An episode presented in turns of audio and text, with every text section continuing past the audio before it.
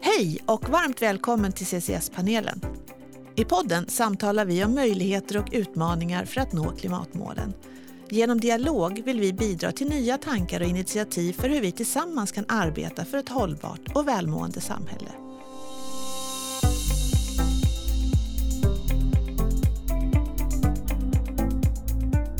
Jag heter Liselott Jernberg Beit och arbetar till vardags som kultur och hållbarhetschef på Granitor.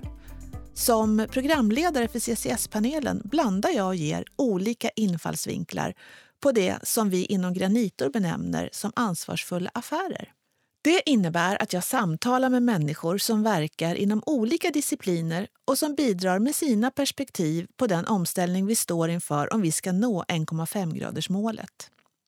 I dagens avsnitt samtalar jag med Martina Andersson som arbetar som verksamhetsutvecklare på Sysav. Martina är också projektledare för den studie som man nu startar med stöd från Energimyndigheten. Du är med mig ifrån Malmö. Varmt välkommen till CCS-panelen.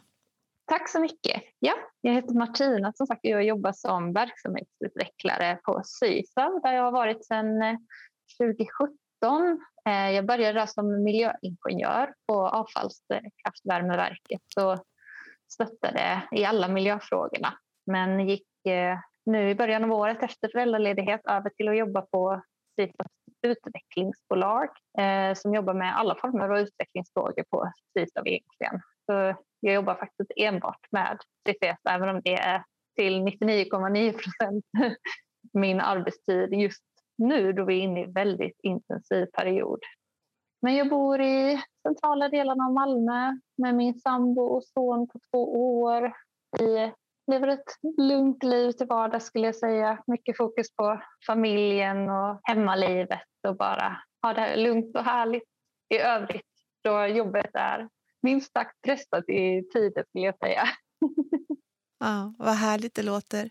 Du, när vi förberedde det här Martina så berättade du också att du följde med din chef ifrån mm. en avdelning eh, till den här avdelningen där du nu är på Sysav. Och utan att orda om din chef specifikt, vad tänker du kring ledarskap? Vad tycker du är viktigt? Eh, något som alltid har varit viktigt både för mig själv och för den jag ska ha som min chef är att man inte är att det ska vara prestigelöst i arbetet och i vardagen. Att man inte söker vinning för sig själv hela tiden utan det här tillsammans. Det, och det, det har verkligen min nuvarande chef alltid haft och det kan jag inte säga om tidigare chefer. Och det, det är väldigt viktigt ledarskap tycker jag och den här inkluderingen. Och det kommer tycker jag ofta som ett led i prestigelösheten. Att då är man inkluderande också. Så och såklart att man tror på sina anställda. Jag, I nya tider med digitalisering och, och hemmajobb så, så tror jag det är de cheferna som kommer lyckas eh, och de ledarna. Det är de som litar på sina anställda och, och vågar låta dem ta ansvar för sina arbetsuppgifter.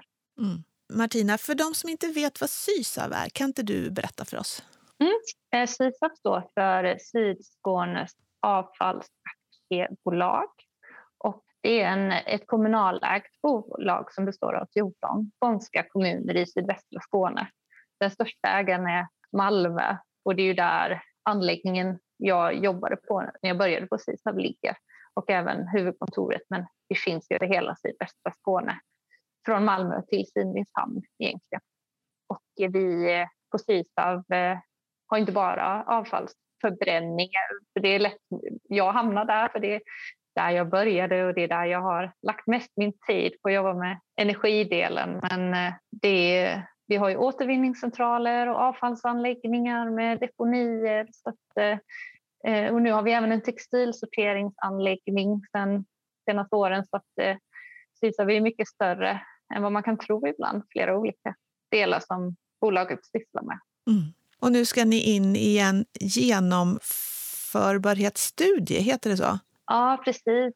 Eh, det är så vi har eh, valt att kalla det. Vi gjorde en förstudie för CCS med stöd från Energimyndigheten och sökte förnybart, förnyat stöd under, eh, under våren för att gå in i någonting vi kallar för genomförbarhetsstudie för att kunna ta ett inriktningsbeslut om CCS 2025. Mm. Spännande tycker jag. Ja, verkligen. Vad är det ni ska göra då? Alltså förstudien är gjord. Vad, vad kommer den här studien att innebära? Ja, den här studien innebär ju en, eh, en fördjupad eh, del av... Eh, alltså vi behöver kolla på det på ett helt nytt sätt. Vi behöver undersöka affärsmodellen i djupet. Det är så lätt att fastna i de tekniska delarna av CCS och det behöver vi fortsätta titta på, absolut. Men den, affärsmodellen är det svåra att få ihop. Vi pratar om väldigt mycket intäkter som ska in varje år när man har byggt en sån här anläggning. Och var ska de komma ifrån och hur ska de se ut? Och, eh, vi måste hitta, föreställa oss marknader som kanske inte ens finns än för negativa utsläpp. Och eh, det, det gör det så otroligt eh, komplext och stort fokus just nu kommer hamna på affärsmodellen även om den tekniska aspekterna av utredningen såklart finns kvar och gå in i ett fördjupat läge där vi kollar på energiintegrationen framför allt hur man kan optimera en sån här anläggning. Mm. Och hur ser tidplanen ut? Och hur länge kommer det här projektet att hålla på? Tidplanen blir längre än vad man kan tänka sig. Vi har ju som mål att ha anläggningen på plats 2030 men sen har vi ju 20-30 år där, den ska, där vi har en avskrivningstid där vi ska få in de här intäkterna. Så vi brukar tänka att, att projektet har, vi har som ett projektmål 2030 men det kommer absolut inte vara slut där. Eh, för att eh, det står mycket att säkra under driftsfasen. Så 20, 45, kanske 50 brukar vi tänka när vi, vi pratar om projektet. Så det är långsiktigt verkligen vi behöver tänka här. Och det måste ju också finnas, tänker jag, en massa olika intressenter i ett sånt här projekt. Verkligen. Och vi gjorde nyss en intressant hantering eh, i projektet och det vi var snabbt uppe i 30 stycken och försöka dela ut ansvar och vem ska följa upp de här och hur, hur värderar vi den här och vilken hantering och i vilka forum. Och, ja, det är väldigt mycket att hålla koll på. Många med hög makt i vårt projekt som vi värderar dem, men kanske både lågt intresse och låg kunskap. Eh, att det är ett så pass nytt område som vi måste ut och verkligen informera om för att eh, kunna nå i mål med projektet. Och en komplex del för oss specifikt är att vi har då 14 ägare som vi helst vill att alla ska säga ja till den här anläggningen. Mm. Och man brukar ju ofta prata om att det är en, en ganska stor investeringskostnad i den här typen av projekt. Och för den här studien så har ni ju fått lite drygt 5 miljoner kronor nu då ifrån eh, Energimyndigheten via Energiklivet, tror jag. Ja, Industriklivet. Industriklivet heter det, precis. Mm. Och så pratar du om de här personerna, då, alltså era intressenter mm. som är rätt många och som sitter rätt högt upp i näringskedjan. Hur mycket mm. pengar pratar vi om på totalen? Har ni ens liksom tittat på det? I FAS-studien så landade man ju på ungefär 2 miljarder när man kollade vad det här, eh, vad det här skulle kunna kosta. Men eh, man ser ju i andra CCS-projekt i Norge att det, det tillkommer kostnader som man kanske inte har räknat med och att det drar iväg. Men eh, minst 2 miljarder mm. för själva investeringen. Så det, det är ett av de största och dyraste projekten för Sysav någonsin. Mm. Och vad kan det dyka upp för målkonflikter då under ett sånt här projekt? Har ni hunnit titta på det?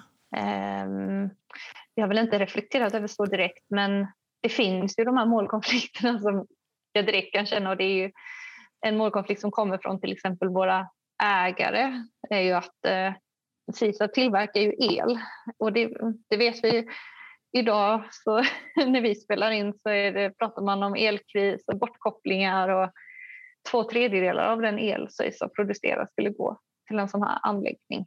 Och vi har en förfrågan från våra ägare att kunna öka vår elproduktion och samtidigt en önskan om att vi ska ha CCS. Och det, de målen står i direkt konflikt med varandra. Mm. Och sen så är ju den här kommunikationen kring CCS viktigt så att man inte hamnar i den målkonflikten att oh, vi borde göra annat och vi, det är fel ände och att det är en sån end-of-pipe-lösning som man pratar om utan att vi ska ju fortfarande göra allt det här uppströmsarbete som SISA arbetar jättemycket med, utsortering och, av avfall och plast och den fossila delen. Men att som IPCC har visat på så är CCS nödvändigt för de residuala utsläppen som inte kan få bort på annat vis. Men det ska vara för de utsläppen, inte de andra. Och därför är det lätt att om man inte är tydlig i sin kommunikation så kan man hamna i målkonflikt gentemot eh, ja, kanske framförallt den stora opinionen. Eh, jag tänker på det här som, som du var in på, då, att det kan bli målkonflikter både kring så här, vem, vart, ska, vart ska energin gå någonstans men också var ska investeringarna gå någonstans. Så en sak som, som jag funderar rätt mycket på, det har jag funderat på egentligen rakt igenom både den förra säsongen och den här säsongen när det gäller just CCS, det är ju att vad jag vet i alla fall så finns det ingen anläggning idag som tuffar och går. Det finns ju, det finns ju liksom företag som har byggt provanläggningar och man har någonstans bevisat att jo då, det, det fungerar nog. Eh, så. Prototyperna verkar som att de, liksom, de levererar det de, det de säger att de ska leverera. Eh, men det, det, är ju dels är det ju, ska det ju byggas fullskaligt. De pengarna ska mm. investeras någonstans. Men sen ska ju de här båtarna som då ska transportera den infångade koldioxiden, de ska ju vara färdiga samtidigt som man då har fångat in material. Och sen ska de här lagringsplatserna, oavsett om de då ligger i Nordsjön eller på Island eller någon annanstans, de ska ju vara redo att ta emot det här avfallet. Pratar ni mycket om den här kedjan? För den känns ju också... Alltså vi pratar om ett, ett tidsspann på åtta år här. Det är inte så lång mm. tid. Jo, men det, det är mycket fokus på kedjan. Och eh, vid seminarium och när man pratar och möts många så är det också att just lagringsplatserna kan verkligen bli en flaskhals för många eh, projekt. För det är många som ligger i eh, förstudier och undersöker men det är samma Ska alla de här komma till så har vi inte lagringsplatser så det räcker. Eh, och vi har ju ett eh, samarbete i eh, Sydsverige som heter Sinet eh, S1 eh, där flera, nu vet jag inte hur många som är med i konsortiet, men eh, där man då kollar på gemensamma lösningar för transport och lagring just för att kunna gå in med ökade volymer för att kunna säkerställa hela kedjan och tillsammans hitta de här lösningarna. Men det är som du säger, hur ska man få, vem ska, det är där med hönan och ägget, vi behöver ha lagringen och det är också gigantiska investeringar som någon ska riska för att eh, innan koldioxiden ens är infångad. Eh, så där som vi, som vi tänker arbeta med våra delar, arbeta med intentionsavtal som sen blir ett letter of intent och förhoppningsvis i slutet ett signerat avtal. Mm. Um, men eh, definitivt problematiskt och där tror jag den här samverkan eh, är nödvändig för att och det finns ju liknande samarbeten i Göteborg, någonting som heter Simfracap som ligger några år före där man tittar på några olika typer av samägda lösningar och kunna gå in med stora volymer för att ja, båtleverantörer och eh, slutlagrare ska våga investera i sina lösningar. Mm. Vad tror du skulle behöva till för att... För jag tänker det som du säger, alltså det är ju enorma pengar som ska investeras i då både platser för slutlagring men också i de här båtarna utan att man egentligen vet någonting. Alltså man vet inte, det finns inte, produkten finns liksom inte än. Vad tror du skulle behöva komma till för att någon ska, och då säger jag verkligen någon, alltså så här, mm. hur ska man våga riska de här pengarna? Vad behövs det för typ av om det är politiska beslut eller mm. vad är det för något som behövs? För Sysavs egna eh, del, för att Sysav ska våga gå vidare så ser vi ju en viktig del är ett rent investeringsstöd för de här första projekten. Det vill säga vi pratar om 50 procent eh, investeringsstöd för att kunna gå vidare i de här projekten. För att som du säger är så otroligt riskabla och osäkra.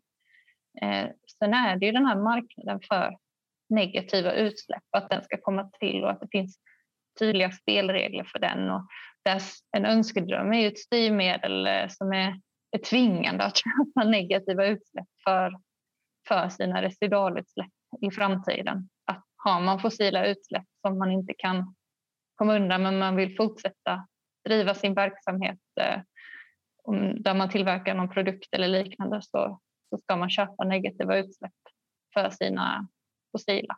Eh, och sen eh, tror jag att eh, det behövs eh, tydlighet i alla bidrag. För CISA blir det ju extra komplext eh, eftersom vi har både fossila och biogena utsläpp. Hur ser, hur ser allokeringen ut? Eh, det, idag är det så väldigt viktigt med de här gröna kolatomerna och för oss är koldioxid koldioxid och vi vill fånga in allt och såklart kan vi inte sälja Eh, negativa utsläpp för den fossila men den är ju också viktig att ta bort eftersom ett avfall det har den sammansättningen den har och vi ska jobba med utsortering och återvinning av plaster. Men en stor del av Stysavs uppdrag är avgiftningen av samhället och vi kan inte tacka nej utan vi behöver ta emot det som kommer in. Mm. Utsläppsrätterna i sig, behöver de också, förutom att det blir ett tydligare regelverk, behöver det bli dyrare tror du att släppa ut? Ja, det, det behöver kosta.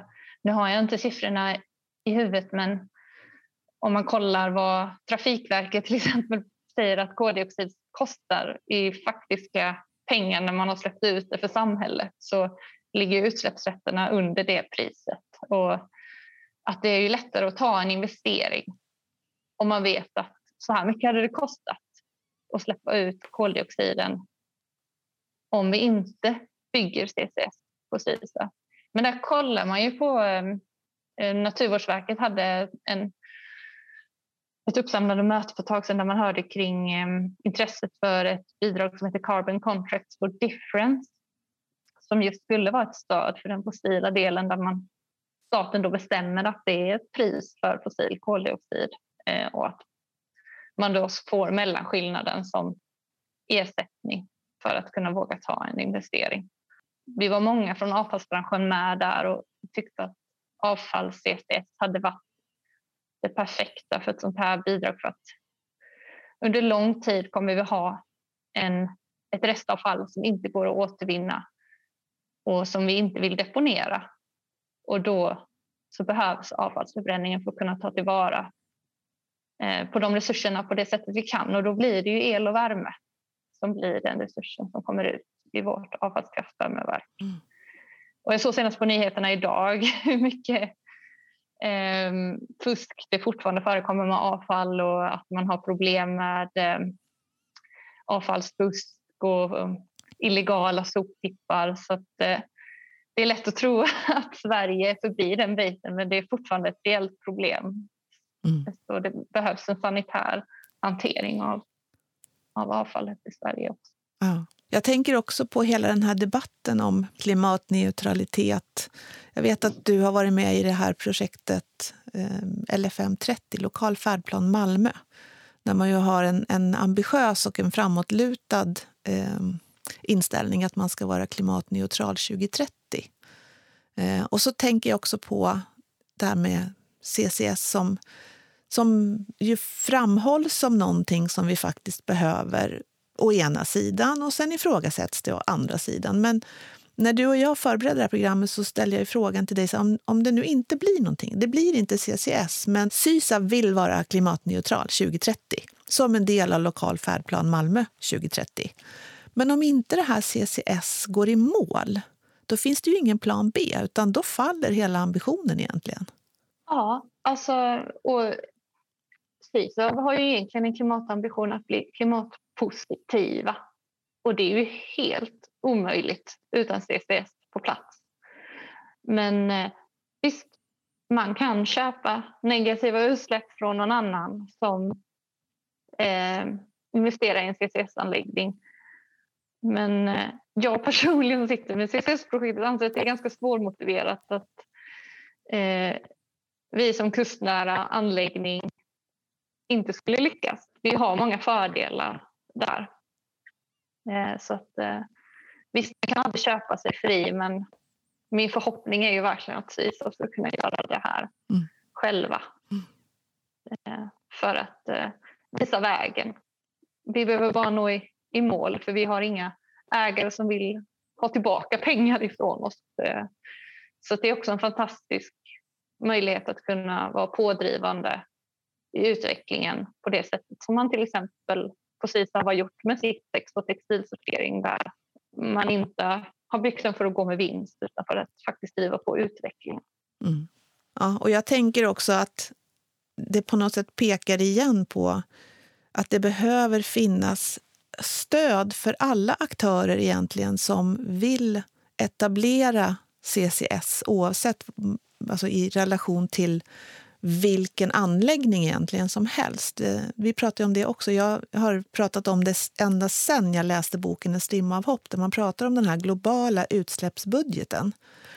Eh, där om takten fortsätter som den gör idag så, så kommer vi att nå liksom taket för vad vi, kan, vad vi har erfarenhet av eh, på den här planeten inom 10 till 20 år. Egentligen. Man pratar om 400 till 600 ton, gigaton man pratar om 400 till 600 gigaton eh, som en liksom, global maxkvot.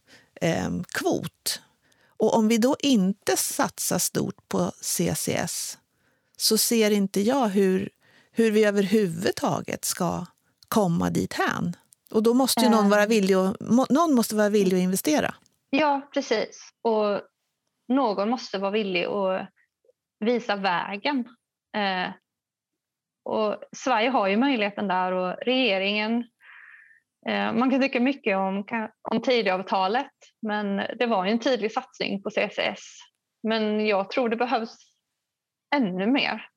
Och det behövs det här tydliga investeringsstödet. Och visst, det, det är enorma utsläpp du talar om och eh, SISAFs möjliga bidrag skulle kunna ligga på 500 000 ton varav 300 000 ton är biogen. Och det motsvarar ändå cirka hälften av hela Malmös fossila utsläpp idag. Mm. Så även om det inte har så... Det är ju alla, många bäckar små som man brukar säga i de här delarna men Sisas bäck är ganska stor i sammanhanget.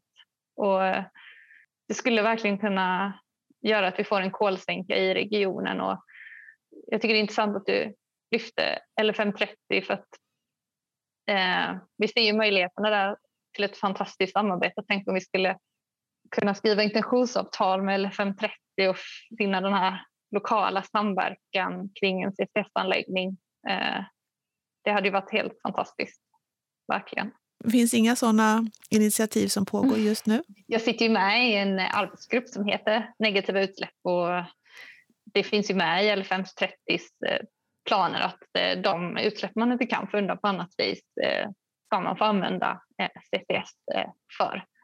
Sen är det ju, tror jag, som för alla andra företag att de pengarna ska också komma någonstans ifrån. Och vi pratar mycket nudging i de här ämnena, att sälja in. Han som jobbar på affärsmodell brukar säga att vi ska sälja någonting de aldrig har sett innan och som man inte kan ta på och som de inte riktigt vet vad det är eller varför de behöver det. och vi letar efter en riktigt bra säljare ibland, tänker um, som kan hjälpa oss att bygga upp den här um, säljpitchen på ett mm. bra sätt.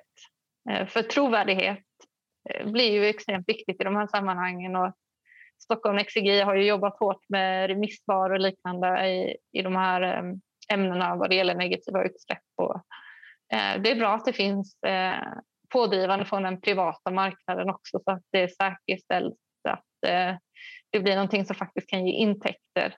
Men sen är det så oerhört viktigt att det här blir legitimt och trovärdigt för annars så kommer inget av de här projekten att bära sig om eh, eh det inte gör det. Nu har vi nämnt LFM 30, mm. med lokal färdplan Malmö. Mm. Och, eh, jag vet att Sara Davidsson, min företrädare, intervjuade just eh, Rickard Sjöqvist som är teknik och hållbarhetschef på Granitor. För Granitor är en av initiativtagarna till det här projektet. Mm. Så att vill man lyssna mer på det så finns det bakåt i eh, historien. Jag kan inte eh, numret på podden. Men eh, för dig som lyssnar nu och är intresserad så är det bara att söka bakåt i historiken så kommer ni att hitta det. kan man lyssna mycket mer på vad eh, det projektet innebär för någonting. Men, men om vi säger så här då, eh, Martina, att du har nu ett gäng politiker som lyssnar på dig kring eh, den här frågan. Vad skulle du vilja säga till dem? Jag skulle vilja säga jag tror om man vill att energiåtervinningen och elleveransen, det vill säga fjärrvärmen, ska fortsätta leva i Malmö och att den ska vara legitim så så behöver vi CCS på plats. Vi kan inte fortsätta släppa ut så mycket som vi gör. Och Sitav har länge hävdat, vilket är sant, vill jag också trycka på att vi gör klimatnytta idag för det är betydligt bättre än att deponera. Men vi kan göra så mycket mer och vi måste våga satsa. Vi måste vara modiga. Det brukar jag ofta säga till mina projektmedlemmar. Vi måste våga vara modiga. För det är otäckt och det är stort och det är komplext. Och kommunpolitikerna måste också våga vara modiga inom rimliga gränser såklart vad det gäller risker. Och det är mitt jobb och projektets jobb att sänka riskerna. Eh, men ja, våga satsa. Och det, för, och det gäller ju redan nu att våga lägga pengar i det här projektet. För som du säger, vi har fått från Industriklivet men eh, det kommer krävas mer och mycket interna resurser och externt engagemang och en önskan från politikerna att prata uppåt om varför CSS behövs hela vägen upp till regeringen. vad, vad vi behöver. Mm. Jag tycker, jag gillar verkligen när du säger att vi måste våga vara modiga. För att Vi brukar prata om det här, utan rädsla så finns det ju ingen mod. Om jag inte är Nej. rädd då kan jag inte heller vara modig. Mm. Så att, eh, det tycker jag verkligen vi tar med oss. Nu är det en tid när vi måste våga vara modiga. Eh, vi har ordat en stund nu om det som är både viktigt och rent av nödvändigt för att klara mm. utmaningarna inför framtiden. Och jag upplever verkligen att du är besjälad av att bidra till en bättre framtid. Jag tänkte vi skulle orda lite om det där med hopp. Eh, jag vet att du har en tvååring där hemma. Eh, och jag har precis välsignats med två små barnbarn. De har precis fyllt ett. Och vi vill ju gärna att de ska ha en framtid att se fram emot. Hur har du det med hopp? Hur känns det för dig?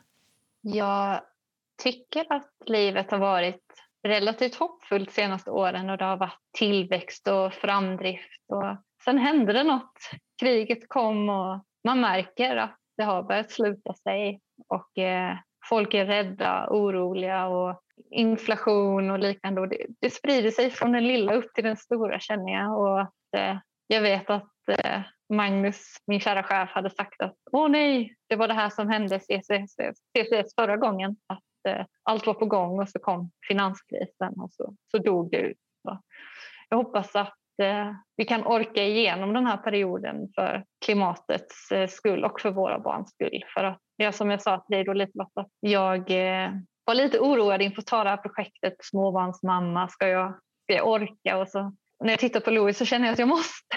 Eh, om jag nu har möjligheten att driva på och kanske inte är den kunnigaste tekniskt men har kanske modet och strategin att driva framåt. Att, eh, och om hoppet då kan inspirera mig så hade det att göra någonting bättre. Eh, att då måste jag göra det. Men det känns som att hoppet börjar svika många just nu och att eh, ja, en viss oro mm. går man med. Men eh, jag känner mig hoppfull inför framtiden eftersom jag faktiskt får göra någonting. Eh, det är en ynnest att få göra skillnad mm. på riktigt. Mm. Eh, så att, hoppas att det kan komma dit också.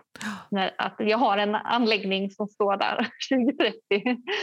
Ehm, det hade varit en önskedröm. Och flera anläggningar såklart. Och sen vet jag att det är så lätt att hamna i den här koldioxidtunneln. Att man bara ser koldioxiden när vi har många andra miljöproblem. Men det är där mitt fokus hamnar i alla fall. Mm. Man kan ju inte göra allting. Ehm, så. Ehm, men jag tänker också det du säger, du sätter ord på det. Du behöver och vill göra det här. Därför att det har jag också förstått att hopp är förknippat med att vi faktiskt gör någonting. Det är när vi gör som vi kan känna att hoppet ökar. Ehm, och det är ju fint att du får, får använda dig av dina kunskaper och din kompetens eh, i ett projekt där du faktiskt kan känna hopp. Därför att det är, om det nu skulle så att säga, ge om vi skulle se att vi kommer i mål med det här så kommer det att göra väldigt stor skillnad. Både nu och framåt. Jag eh, tänker också att vi behöver eh, skapa berättelser på något sätt eh, om framtiden eller om det vi gör så att vi faktiskt får fler personer att känna hopp och fler personer som faktiskt funderar på vad kan jag göra då? Vad är, med, med den kompetensen jag sitter med och med det som jag har samlat på mig, var kan det göra nytta någonstans? Det tror jag är en viktig parameter att ta hänsyn till.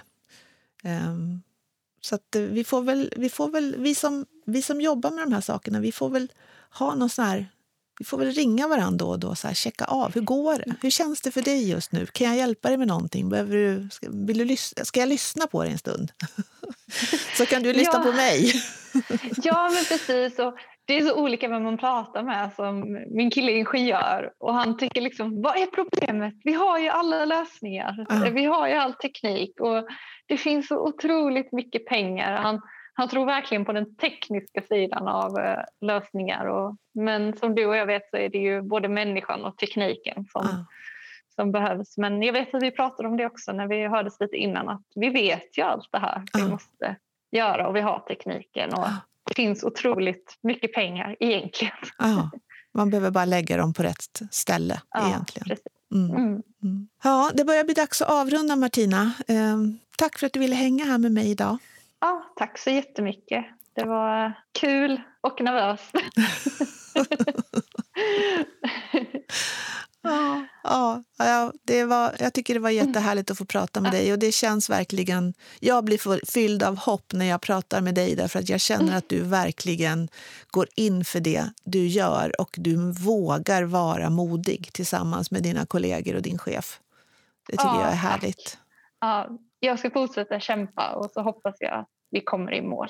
Tack också till dig som har lyssnat. Eh, och jag hoppas att den här säsongen har fyllt dig med såväl hopp som en känsla av att eh, du vill ta dig an nya initiativ för att göra positiv skillnad framåt.